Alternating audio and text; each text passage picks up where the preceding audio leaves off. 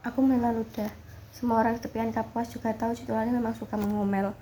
Pernah aku membawa ikan satu ember besar sampai tersengal menyeretnya masih saja dia bilang sedikit.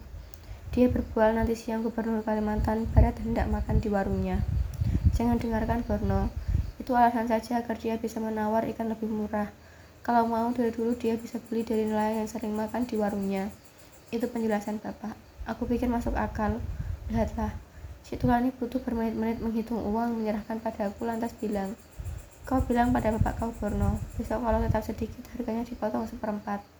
Aku mendengus, benar bukan? Ujung-ujungnya minta diskon. Aku salah tempat bertanya. Bukannya dijawab malah diomeli. Aku bergegas membawa tumpuk ikan terakhir ke tujuan berikutnya. Pak tua sedang duduk tangsim menunggu di atas sepit. Sepit dari kata speed adalah perahu kayu. Panjang 5 meter, lebar 1 meter, dengan tempat duduk melintang dan bermesin tempel. Pagi ini beberapa sepit berjajar di dermaga kayu menunggu antrian. Satu sepit merapat di dermaga. Berapa penumpang yang hendak menyeberangi Kapuas berhati-hati meloncat.